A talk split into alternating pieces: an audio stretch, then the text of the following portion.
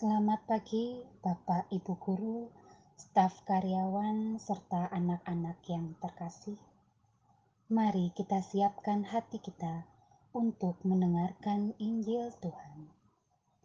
Dalam nama Bapa dan Putra dan Roh Kudus. Amin. Selamat pagi Allah Bapa, Putra dan Roh Kudus. Terima kasih untuk penyertaanmu sepanjang malam hingga pagi ini. Sesaat lagi kami akan mendengarkan firman-Mu. Bantulah kami agar kami mampu merenungkan dan melaksanakan firman-Mu. Demi Kristus Tuhan dan Juru Selamat kami. Amin. Inilah Injil suci menurut Lukas. Dimuliakanlah Tuhan. Sekali peristiwa, Yesus pergi ke Kapernaum, sebuah kota di Galilea di situ ia mengajar pada hari-hari Sabat. Orang-orang takjub mendengar pengajarannya, sebab perkataannya penuh kuasa. Di rumah ibadat itu ada seorang yang kerasukan setan. Ia berteriak dengan suara keras, "Hai engkau, Yesus orang Nazaret, apa urusanmu dengan kami? Engkau datang hendak membinasakan kami?" Aku tahu siapa engkau. Engkaulah yang kudus dari Allah. Tetapi Yesus menghardik dia, katanya, Diam, keluarlah daripadanya.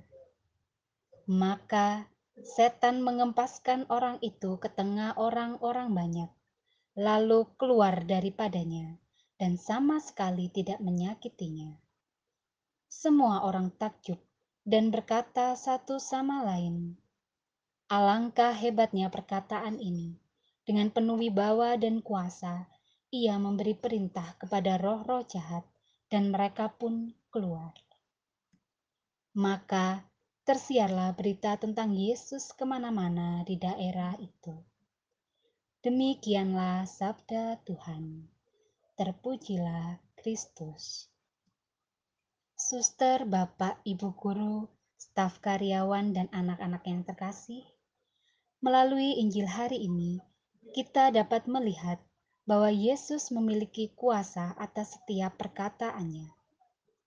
Kekuatan sabda Allah mengalir dalam dirinya dan menjadi begitu nyata.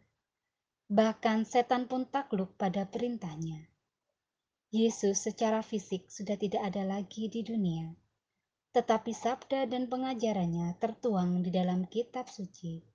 Dengan demikian, Kitab suci bukanlah sebuah tulisan yang hampa dan kosong, tetapi sungguh berdaya kuasa dan merasuki setiap orang yang membaca dan merenungkannya. Amin. Marilah kita berdoa.